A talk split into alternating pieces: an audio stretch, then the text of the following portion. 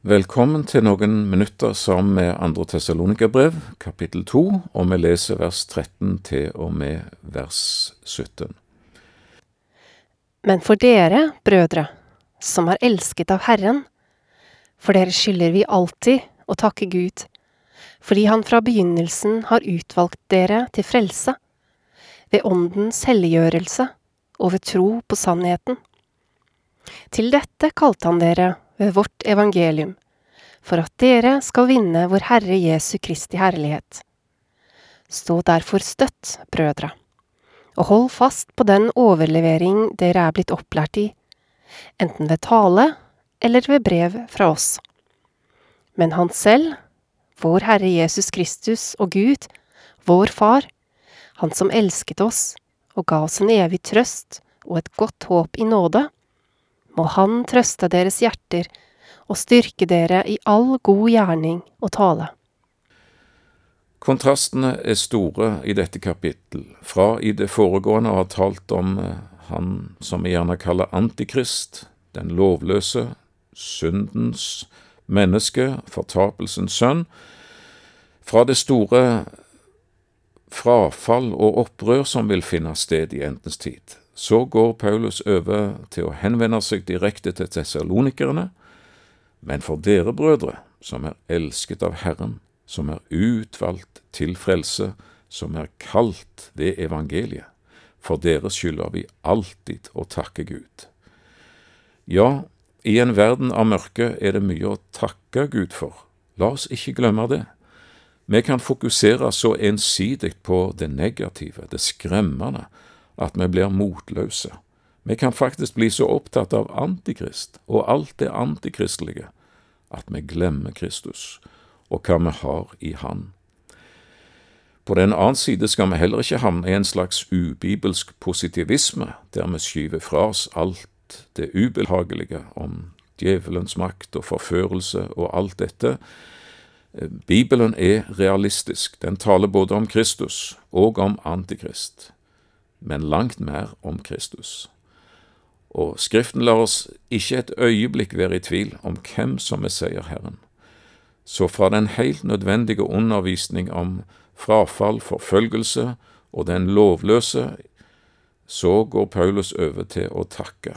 Han løfter blikket og takker for Guds kjærlighet, for utvelgelse og for frelse, for Åndens kraft til å leve et hellig liv i en lovløs verden.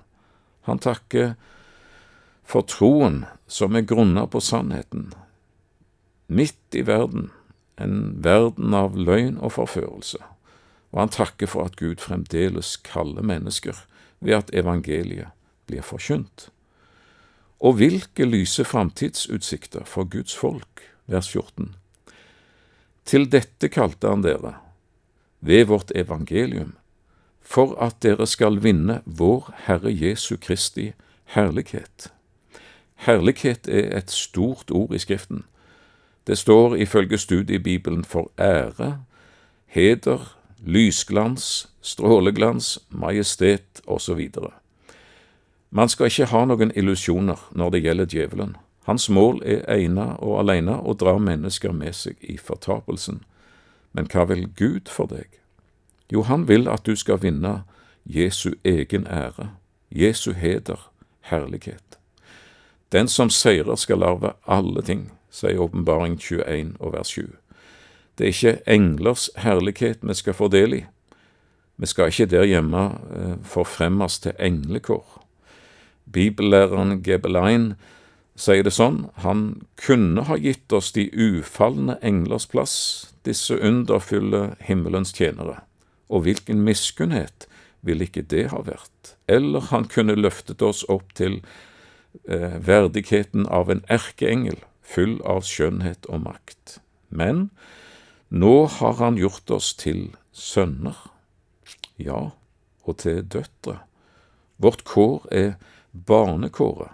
Vi skal ikke bli engler like, nei, vi skal bli Jesu sjøl like.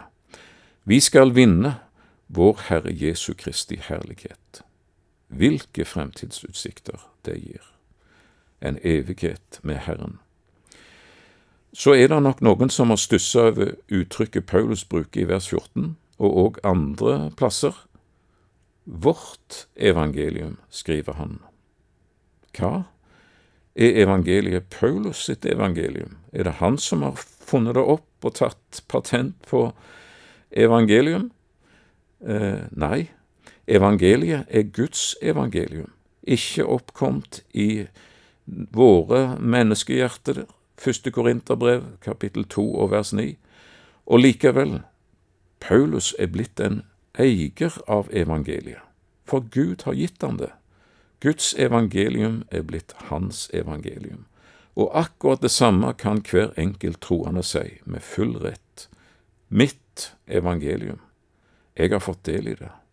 Guds evangelium er blitt mitt, og det var sånn jeg ble frelst. Så fortsetter Paulus i vers 15. Stå derfor støtt, brødre, og hold fast på den overlevering dere er blitt opplært i, enten ved tale eller ved brev fra oss. Her trekker Paulus tydelig tråden tilbake til vers 2. La dere ikke så snart drive fra vett og sans, la dere ikke skremme verken med noen ånd eller ved noe ord eller ved noe brev som sies å komme fra oss. Se opp for forfalskninger, sier Paulus. Stå støtt, for ordet står støtt. Gud har ikke endra mening. Bli i det du har lært, for Guds ord står. Så fortsetter Paulus i vers 16 med å dvele ved at Gud i kjærlighet har gitt oss en evig trøst og et godt håp i nåde. Ja, det er solskinn over disse ord, når vår trøst i Jesus er rikelig, sier 2. Korinterbrev 1 og vers 9, og den er sterk Hebreabrevet 6 og vers 18. Og den varer, for det er en evig trøst. Så Guds trøst er rikelig, den er sterk, robust, og den varer for evig. Og håpet vi eier, det er godt. Det er ikke skadelig på noen måte. Eh, det er gitt oss av Herren, og det er forankra i nåden. Håpet gjør ikke til skamme, for Guds agape er utøst i våre hjerter ved Den hellige ånd, som Romerbrevet 5 og vers 5 sier. Og denne trøst og dette håp ifra Herren gjør oss ikke livsfjerne, men det skal altså styrke oss i vår hverdag, i livet vi lever, i all god gjerning og tale, vers 17. Så vil vi gå videre og flytte oss til kapittel 3, og der leser vi fra vers 1 til og med vers 5. Til slutt, brødre, be for oss at Herrens ord må få fritt løp og bli holdt i ære, slik som hos dere, og at vi må bli fridd fra vrange og onde mennesker. For det er ikke alle som har troen. Men Herren er trofast han skal styrke dere og bevare dere fra det onde. Vi har den tillit til dere i Herren, at dere både gjør og vil fortsette å gjøre det vi pålegger dere. Må Herren styre deres hjerter til å elske Gud og vente på Kristus med tålmodighet. Igjen ber Paulus om forbønn. Be for oss, sier han. Paulus var ingen åndelig supermann. Han omtaler seg i sine brev som den minste av apostlene, som den ringeste av alle de hellige, og som den største av alle syndere. Han var en stor forbruker av Guds nåde, og han var inderlig avhengig av sine venners forbønn. Det han ber om, er at Herrens ord må få fritt løp og bli holdt i ære. Be for oss, sier han, at vi ikke blir bremseklosser i evangeliets utbredelse, men at vi tvert imot kan skru opp hastigheten og løpe enda fortere ut med ordet. Ja, for i disse vers er det ved idrettsarenaene Paulus eh, oppholder seg i sin tanke. Og det handler om løpsøvelsene der den seirende blei vist stor ære og heder. Så en bibeloversettelse sier det sånn at Herrens ord må ha fri bane og overalt triumfere. Her løper ordet, evangeliet, for å seire, for å triumfere. Men det løper på menneskeføtter. Gud har valgt å gjøre det sånn. Gå derfor ut, sa Jesus til sine. Og misjonsløpet er et hinderløp. Det finnes nemlig vrange og onde mennesker som vil gjøre alt de kan for å hindre evangeliet i å løpe og vinne seier. Paulus ber om utfrielse fra disse, at de ikke må lykkes i sitt eh, prosjekt. Og Salme 147 og vers 15 sier, Hurtig løper Hans ord. Så må vi få lov til ikke å være bremseklosser, og må ikke motstanderen få hindre ordets frie løp. Be for oss at vi kan løpe med evangeliet, roper Paulus, for Herrens ord har hast. Og hver gang et menneske kommer til tro, da vinner ordet seier. Da jubles det fra de himmelske tribuner, om vi kan si det sånn. Eh, Lukas kapittel 15. Englene feirer, vers 10 der. Far gleder seg, vers 20 og ut gjennom. Ja, hele himmelen jubler når én en eneste synder blir frelst. Lukas 15 og vers 7. Enda en gang har ordet vunnet seier. Nei, vi har ingen styrke i oss sjøl. Vi kan ikke seire i egen kraft. Vi kan ikke stå imot det onde. Vår egen vei er veien bort ifra Herren, veien mot stupet. Men Herren er trofast. Han skal styrke dere og bevare dere fra det onde. Det kan òg oversettes her ifra den onde. For bak det onde står den onde. Men hos Herren er altså nåde til seier og bevarelse. Så leser vi i vers fem at må Herren styre, lede, rettlede, dirigere betyr dette ordet, må Herren styre deres hjerter. Ja, hjertet er jo i seg sjøl ganske ustyrlig.